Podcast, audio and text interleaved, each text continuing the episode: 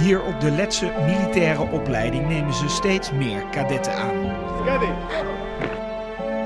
In particular, three countries in Northern Europe, known as the Baltic States, have asked NATO for protection. De Letse regering houdt er rekening mee dat de geschiedenis zich toch weer zal herhalen. Welkom bij de 18e aflevering van Albanië tot Zwitserland. In deze serie gaan we heel Europa door en dat doen we op alfabetische volgorde. En vandaag is de beurt aan Letland. Even de graaf, historicus, welkom. Goedemiddag. Ja, het Letse nationale gedachtegoed dat komt eigenlijk in de 19e eeuw uh, pas echt op. Ja, dat past ook weer perfect bij de rest van Europa. Hè? Ja, absoluut. Ja. En ook altijd is het leuk om even te kijken naar de voorgeschiedenis van zo'n land. En dan zie je dat het in de middeleeuwen ook in eerste instantie uh, werd veroverd door uh, leden van de Duitse orde, een geestelijke orde, die uh, eigenlijk als ridders daar de strijd aantrokken tegen de onbekeerden. En die hebben dat gebied met, ja, zelfs met moord en dwang ook gekestend. Dat heette toen nog Lijfland en Koerland. Onder aanvoering van een zekere Walter van Plettenberg hebben ze daar het uh, gebied gekestend. En vandaar dat die Duitse orde nog steeds daar invloed heeft in die gebieden. En uh, de Latgallen, of de Letten, werden ze ook wel eens een genoemd al later. En dan zie je dat er een, een, een strijd ontstaat zo rond 1700 tussen de, aan de ene kant de Zweden onder leiding van koning Karel XII, een hele markante kerel. En aan de andere kant een net zo'n markante man, tsaar Peter de Grote van de Russen. En die probeerde daar ook dat gebied in hun, uh, uh, ja, in hun bezit te krijgen en daar natuurlijk ook of te Russificeren of te Germaniseren. En dan steekt uh, in 1856 een beweging de kop op, de beweging van het nationaal bewustzijn. En die willen met name ook werken aan het versterken van de Letse nationaliteit. En met name ook de Letse taal stimuleren, want die dreigde ondergesneeuwd te worden. Dat, de elite moest natuurlijk of Duits of Russisch spreken. En dat wilden ze niet. Ze wilden hun eigen taal dus uh, cultiveren. En een einde maken aan die Russificatie en die Germanisering. Ja, want uh, de Duitse orde, uh, de, de Peter de, de Grote, um, Letland is eigenlijk altijd gevangen. En we gaan de hele aflevering ook weer doorzien. Gevangen tussen Duitsland en Rusland. En die ja. strijden allebei om dat land. Absoluut.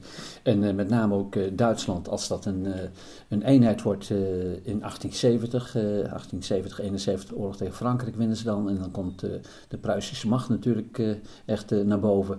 En dan wordt het Tweede Duitse Rijk gevestigd van 1870 tot en met 1918 van de Hohenzollern. Dat is dan aan de ene kant een van de, die, die, landen die samen de tang vormen. Aan de andere kant zie je dus dat het zaden van met name ook Nicolaas de tweede echt uh, zijn uh, tentakels heeft uitgeslagen ook naar dat gebied. En dan willen ze dat gebied zo machtig graag aan handen hebben, want dat vergeten een heleboel mensen. Ook onze republiek heeft in de Gouden Eeuw ontzettend veel geld verdiend, met de handel op Indonesië, maar met name ook op de OC-gebieden. En met name ook op dit gebied. daar was inderdaad graan weg te halen, er viel pelzen weg te halen, hout was er weg te halen voor de bouw van de schepen. Dus een heel belangrijk gebied wat en Duitsland en Rusland ook allebei graag in handen wilden hebben. Ja, we gaan naar 1900, uh, 1905. Dat is een, belangrijk jaartal, een eerste revolutie die, in Rusland. Maar ook in Letland kwam een revolutie op gang. Waar was die precies tegen gericht? Uh, je had toen in uh, die uh, periode van 1904 tot 1905 de Russisch-Japanse oorlog. En dat is op een, ja, eigenlijk een ramp uitgelopen voor de Russen. De Russen die dachten echt, we gaan die kleine, zo werd het letterlijk gezegd, ook in krantartikel, die kleine gele aapjes, die gaan we even te grazen nemen. De grote Russische beer. En dat viel zo ontzettend tegen. Dat is eigenlijk de allereerste grote nederlaag geworden van dat machtige Rusland. En uh, dan zie je dus dat uh, de bevolking uh, vanwege de verliezen die er geleden worden en vanwege de onrust die er is, de slechte situatie economisch gezien, die komen dan in opstand. Eigenlijk nog niet eens een opstand. Eind januari 1905 gaan een aantal mensen in Sint-Petersburg gaan ze een petitie aanbieden. Onder leiding van priester Capon en de tsaar Nicolaas II, de leider ook van de Russisch-Orthodoxe Kerk, in de hoop dat hij zich meer ook gaat bemoeien met die arme bevolking die eronder lijdt onder die oorlog. Tekorten van alles. En wat gebeurt er? Uh, een aantal van die mensen, opgehitst door een paar uh, politieofficieren, die openen het vuur en dat is uh, bloedige zondag geworden. En dan breekt echt de hel los, ook in Rusland. Dan zie je overal ook in andere delen van het land de revolutie de kop opsteken. En dat gebeurt dan ook in met name in Letland, wat toen nog een onderdeel uitmaakte, dat moet wel even duidelijk gezegd worden, ook van het Russische Rijk. Dat was niet een aparte staat toen, maar dat zat in het Russische Rijk. Dus vandaar dat het ook begon te rommelen in Letland. En uh, Dat eh, zie je met name ook stakingen eh, gebeuren in Riga en een andere stad, Lipaja, allebei havensteden. Eh, boze letten die doen aanvallen op Russen, op Duitsers. Steken daar inderdaad landhuizen van de Russen en van de Duitsers in de brand. En vermoorden ook een aantal landheren en andere hoogwaardigheidsbekleders. Er zijn honderden doden gevallen. Kortom, eh narigheid, kommer en kwel ook in Rusland, maar ook in dit gebied van Rusland. Ja, het ging, het ging echt hard aan toe dus. Heel hard aan toe. Ehm, in de Eerste Wereldoorlog eh, dan, hè, dan breken die twee land, breken, komen die twee landen waar Letland tussen ligt in, eh, in oorlog met elkaar. Duitsland en Rusland. Ehm, ja, dan weet je eigenlijk al, Letland gaat eh zwaarteverduring krijgen. Wordt gewoon een soort van slagveld, toch? Ja, zeker. Met name zie je dan ook in die Eerste Wereldoorlog dat de geallieerden tegen de centrale vechten. En dan zitten natuurlijk de Russen ook bij de geallieerden. En die vechten dan tegen de Duitsers. En dan wordt er met name ook natuurlijk weer in dat gebied keihard opgetreden tegen de Baltische adel. Een heleboel van die eh edellieden die hadden daar machtige posities, ook machtige eh, ja, landhuizen en landgoederen hadden ze verworven. En dan zie je dat daar inderdaad ook eh, de Duitsers toch wel het willen opnemen, ook voor hun eigenlijk nog steeds landgenoten. En die sturen daar ook troepen naartoe. En in het begin hadden die Russen nog iets succes, dat ze nog die Duitse aanvallen konden weerstaan. Maar ze waren zo slecht bewapend in 1914 dat ze geen partij vormden voor de Duitsers. En die weten dan dat gebied binnen de kortste keer ook te veroveren. Met name ook de stad Riga valt in handen van eh, de Duitsers. En dan eh, proberen ze inderdaad dus eh, daar toch ook de, ja, de macht naar zich toe te trekken. Maar de Duitsers zitten met één gigantisch groot probleem in die hele Eerste Wereldoorlog. Ze willen het liefst geen twee frontenoorlog. Dus ze dachten, we hebben dat gebied in bezit. We trekken de meeste troepen terug en die sturen we naar het westfront om daar te vechten tegen de Engelsen en tegen de Fransen in het westen. En dan zie je toch weer dat natuurlijk eh, dan eh, de bezetting te dunnetjes is. Dat ze dan eh, denken, nou, nou kunnen we toch wel weer in opstand komen. En tot aan het eind van de oorlog is dat echt een hele chaotische periode geweest. Die nog eens een keer verstevigd werd en verergerd werd door de Russische opstand in 1917, de februari-revolutie en de oktoberrevolutie, waarbij de communisten aan de macht komen. Ja. Ja, dus Letland, eh, dat is eigenlijk een soort van, van rommelig gebied in die Eerste Wereldoorlog, wat maar niet echt Nee. eh, eh, volledig onderdeel wordt van dat Duitse Rijk. Nee, echt niet. Nee, en het hoorde officieel nog steeds, dus dat is eh, toch echt nodig om dat te vertellen, tot het Russische imperium. Ook, na- ook na de vrede van Nee, eh, Brest nee, maar tot aan die vrede was Ja. het gewoon Russisch gebied. Ja. Waar echt fel om gevochten werd door de Russen die het wilden behouden en de Duitsers die het wilden veroveren weer. En dan wordt die vrede getekend. En dan, En dan krijg je dat misschien wel goed te vertellen. De vrede van Brest-Litovsk, die is in maart geweest, 1918, 3 maart. Dan zie je dat de, de eh, communisten, onder leiding van Lenin en Trotsky, een hele onbeduidende rol op de achtergrond speelt Stalin. Die toen nog echt niet eh, dat op het eh, bereik had van zijn macht wat hij later wist te bereiken. En die krijgen dan te maken met binnenlandse oorlog. Dan heb je misschien wel eens een keer gehoord de film van Dr. Chivago, de rooien tegen de witte. De communisten en de witte zijn dan nog generaals die de tsaar steunen. En dat is een hele bloedige, onrustige periode geweest, van 1918 tot en met eh, 1920. En dan eh, zie je dus dat eh, de eh, communisten heel goed inzien, we moeten natuurlijk niet nog eens een keer een andere oorlog aan de pet hebben. En die sluiten dan de vrede met Duitsland, de vrede van Brest-Litovsk. En gewoon willens en wetens van, eh, we geven gebiedenprijs om nu ons helemaal te kunnen concentreren op het binnenland, om die witte daaruit te schakelen. En we gunnen dan gewoon maar die Duitsers noodgedwongen die gebieden ook langs de Oostzee, dus de Baltische staat. En die vallen dan in handen van eh, dus de, de Duitsers. En nog een keer, weer hetzelfde valletje waar ze intrappen. Ze zetten daar troepen neer en niet al die troepen worden teruggetrokken om in het westen te vechten. Wel een heleboel. En ze krijgen dus dat gebied niet goed onder controle. Maar ze hadden, nog een keer de Duitsers toen, een tijd lang een geweldige zeggenschap in Estland, Letland en Litouwen, Koerland, hoe je het allemaal wilt noemen. Dus die gebieden daar aan de oostkant van de Oostzee. ja, dan loopt de Eerste Wereldoorlog af. Die verliest Duitsland eh, dan eh, alsnog. Ehm, dan denk je, nou, dan is het, het tijden van, eh, van de tijd van rust en vrede is aangebroken. Dat is voor grote delen van Europa betekent. Was dat ook zo? Maar voor Letland niet, hè? Nee, want wat zo voordelig leek voor de Duitsers met die vrede van Brest-Litovsk, dat wordt allemaal met één streep weggevaagd bij de vrede van Versailles. Duitsland was de grote verliezer. Nou, dat hebben ze geweten. Er werd wat een gebied van Duitsland afgepikt. Eh, kolonies en ook deze gebieden in het uh, Oostzeegebied, maar ook in Polen enzovoort. Enorm veel gebieden werden van Duitsland afgepikt. Om ze dus klein te maken en klein te houden voor de toekomst. En dan zie je dus dat eigenlijk ook de Letten denken: we moeten daar proberen gebruik van te maken. Dan is er een zekere Kalis Ulmanis, die roept in november 1918 op tot een uh, Letse onafhankelijkheidsoorlog.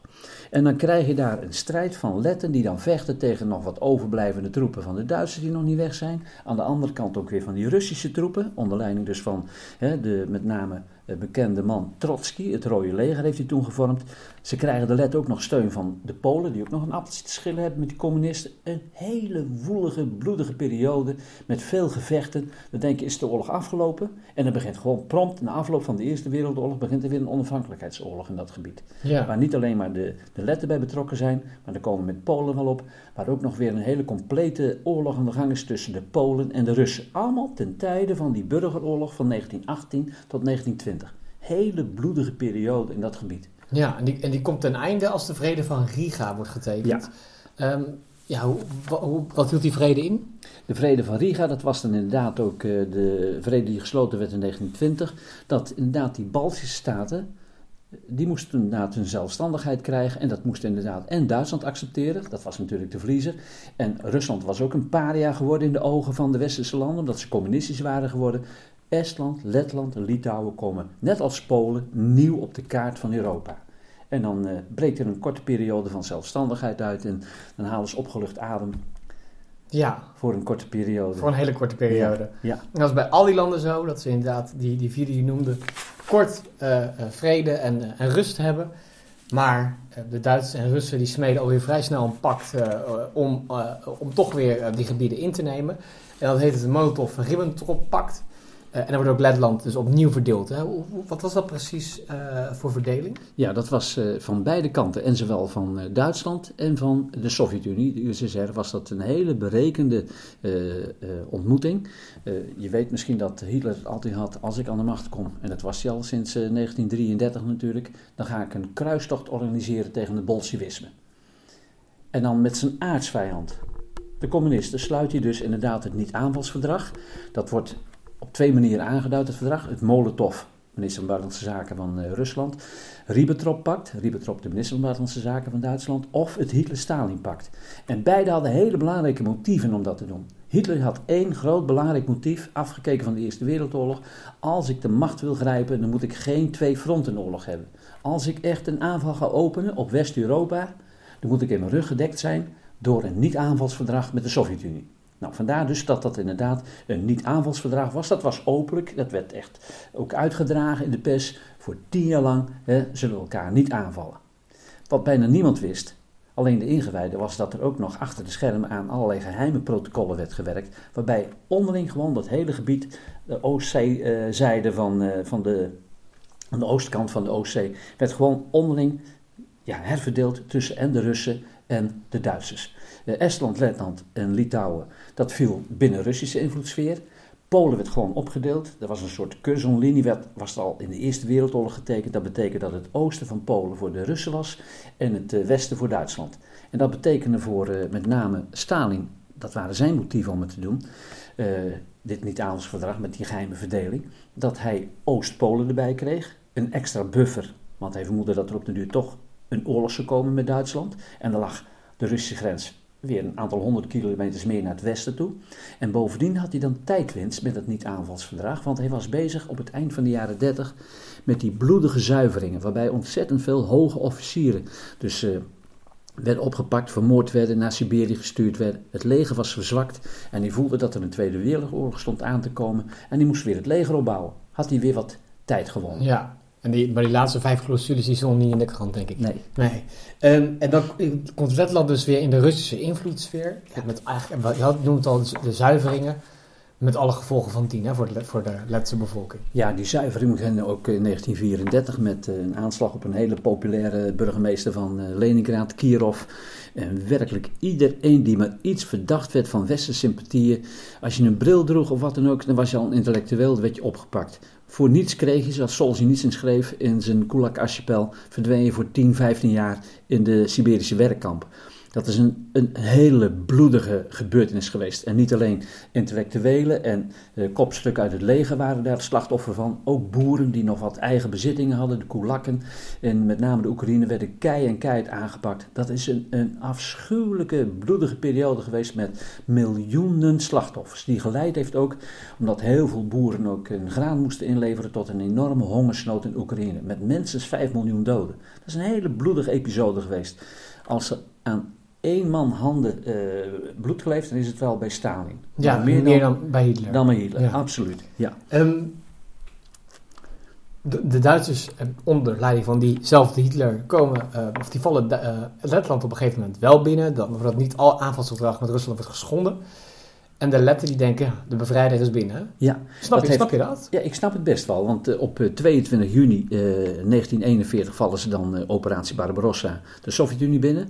Hitler deed altijd voorkomen of hij een groot kenner van de geschiedenis was. En 22 juni had hij uitgekozen, ook een leuk weetje, omdat toen in 1812 Napoleon met zijn aanval begonnen was met zijn Grande Armee op Rusland. Dus 22 juni, dat moest het zijn. En eh, met name werden natuurlijk ook eh, eh, troepen. Je had eigenlijk drie eh legergroepen van eh, de Duitsers. Legergroep Noord ging langs de zeekust van de Oostzee richting Leningrad. Legergroep Midden ging naar Moskou. Legergroep Zuid ging naar Stalingrad. Maar Legergroep Noord heeft binnen de kortste keer ook natuurlijk Estland, Letland en Litouwen veroverd.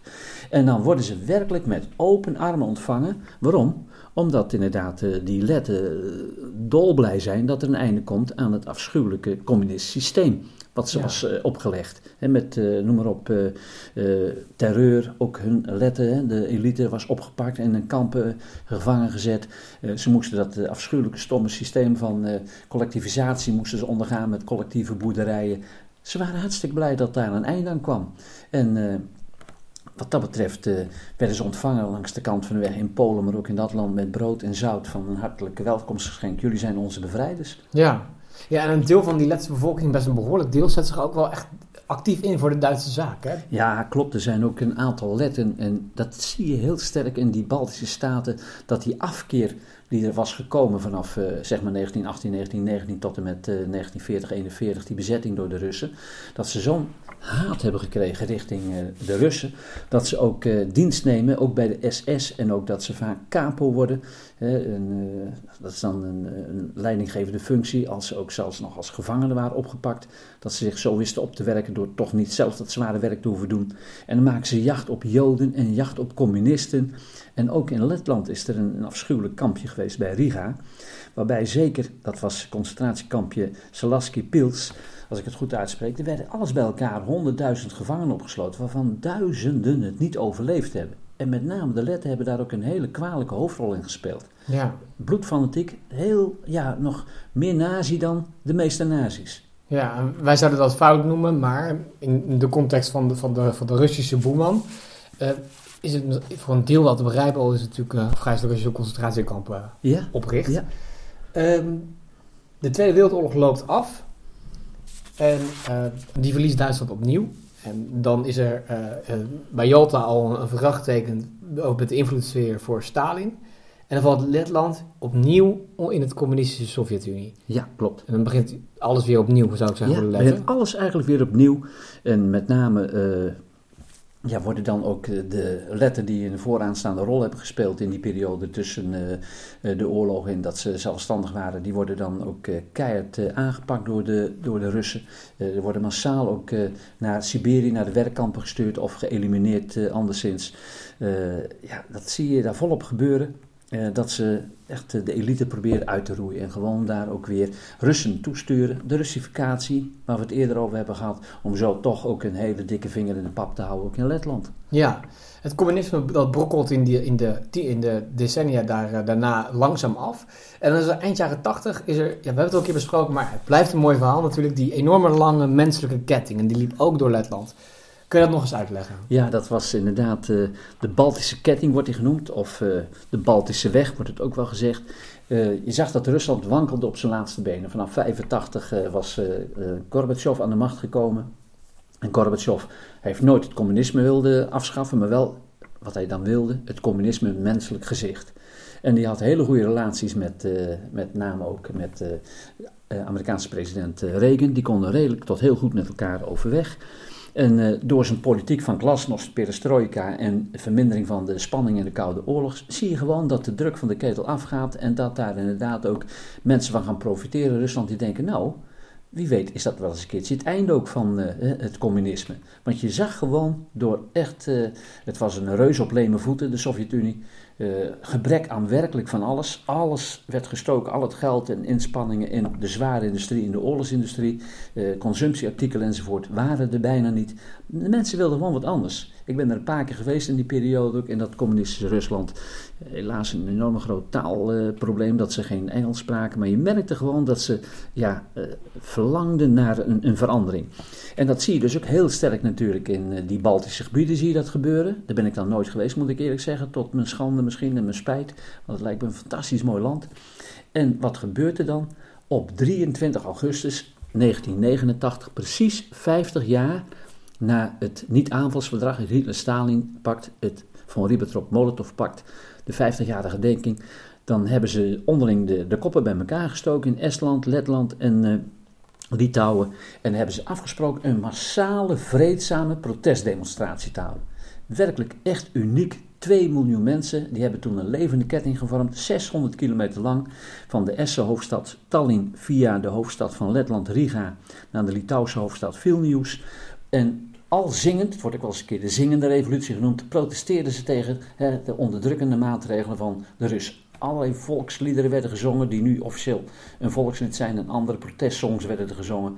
Een hele boeiende gebeurtenis, waarbij ook heel veel westerse camerateams waren en die het allemaal hebben vastgelegd. Ja, dat was indrukwekkend. Ja, een, een, mooie, een mooie demonstratie ook, ja, toch? een hoogtepunt in de Koude Oorlog. En, en, toch, dat was, dat was mijn uh, uh, blinde vlek. Ik dacht, oh, daarna was gelijk de onafhankelijkheid getekend. Maar dat bleek helemaal niet zo. Nee, helemaal niet. En dan zie je een soort laatste stuiptrekking. Want uh, er waren natuurlijk toch altijd nog van die diehards ook rond Gorbachev.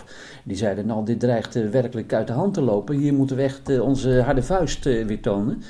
dat is dan de knoet, de Russische knoet, zoals dat genoemd wordt. En die hebben daar ook van die speciale elite-eenheden, de OMONs, hebben ze naartoe gestuurd. Een soort uh, veiligheidspolitie. Die hebben daar echt op bloedige wijze, hebben ze daar in uh, met name Riga, hebben ze aanvallen gedaan op overheidsgebouwen. Hebben ze uh, mensen die ze tegenkwamen, en demonstranten ook, die tegen hun aanwezigheid protesteerden, hebben ze in elkaar geslagen, gearresteerd, sommigen gedood. Dat is echt een, een laatste stuiptrekking geweest, dat ze lieten zien van, wij zijn nog steeds de machthebber hier in dit gebied. Maar toen bleek het toch inderdaad een stuiptrekking te zijn. En toen was het al heel gauw afgelopen met natuurlijk hè, de eenstorting van de Berlijnse muur op 9 november 1989. Ja. En vervolgens een jaar later ook met het toedoen van Yeltsin. Die wordt dan ook altijd uh, in Rusland nog vaak de slager van het communisme uh, genoemd. Uh, hij heeft toen een einde gemaakt aan het Sovjet-systeem. Die pleegt dan ook nog een, een coup, een staatsgreep, komt misschien later met Rusland nog wel op. Maar dan zie je gewoon dat hele immense grote Russische rijk in elkaar donderen. Ja, ja. En um, dan is de onafhankelijkheid op een gegeven moment wel getekend. Uh, inmiddels is Letland uh, lid van de EU. Maar dat vind ik wel opvallend. En uh, een derde van de inwoners van Letland is nog steeds Russisch. Levert dat eigenlijk nog problemen op? Ja, best wel. Die hebben natuurlijk ook echt hun problemen met, met de letten. En die zien dat echt als een gevaar en een hele goede uh, aanleiding voor, met name Poetin, om daar ook nog eens een keertje dus, toe te grijpen. We hebben dat meegemaakt in 2014 met ja, ook weer een uiting van Russisch imperialisme, het bezetten van de Krim. Heel veel letten zijn er ontzettend benauwd voor dat het ook een keer gaat gebeuren in, in hun staten. En een aantal van die ja, uh, letten die dan van afkomst Rus zijn, die verlangen er gewoon ook naar om weer deel te mogen uitmaken van Rusland. Dat moet ik eerlijk zeggen. En ze worden beschouwd als een soort vijfde kolonne. Met Spanje zullen we wel eens een keer over hebben, als een Middellandse vijand die inderdaad uh, ja, voor een hele nare situatie kan zorgen door samen te kneulen met uh, een grote vijand. In dit geval dus het Rusland van Poetin. En je ziet ook een reactie, ook in het Westen, dat met name ook de leiders van de NAVO inzien van nou, wat gaat er gebeuren? We hebben de Krim gezien. We moeten toch laten zien dat we inderdaad ook hen ondersteunen. Want ze zijn lid van en de Europese Unie en van de NAVO geworden. Die gaan er steeds meer troepen naartoe sturen. Oefeningen gaan ze houden in Polen en ook in die uh, Baltische staten. Om te laten zien van, we laten jullie niet in de steek. En uh, we zullen jullie steunen. En dat wordt natuurlijk weer door Poetin gezien als een ja, uitdaging van uh, wat doen jullie hier? Dit is ons gebied, wat hebben jullie hier te zoeken? Ja, en die ziet daar weer ja. het gevaar van een dreigende aanval vanuit het westen in. Een soort van vicieuze cirkel. Ja, ja met ook nog dus de rest en letten een, een, een, alfabet wat, wat niet helemaal rijmt. Dat lijkt me ook niet een... Uh, nee, precies. Lijkt me ook een probleem. Ja. Dankjewel voor deze uitleg. Um, en volgende keer dan, dan gaan we het over Litouwen hebben. Gaan we een, een landje naar onder. Een broederland. Ja, ja. Oh, tot dan.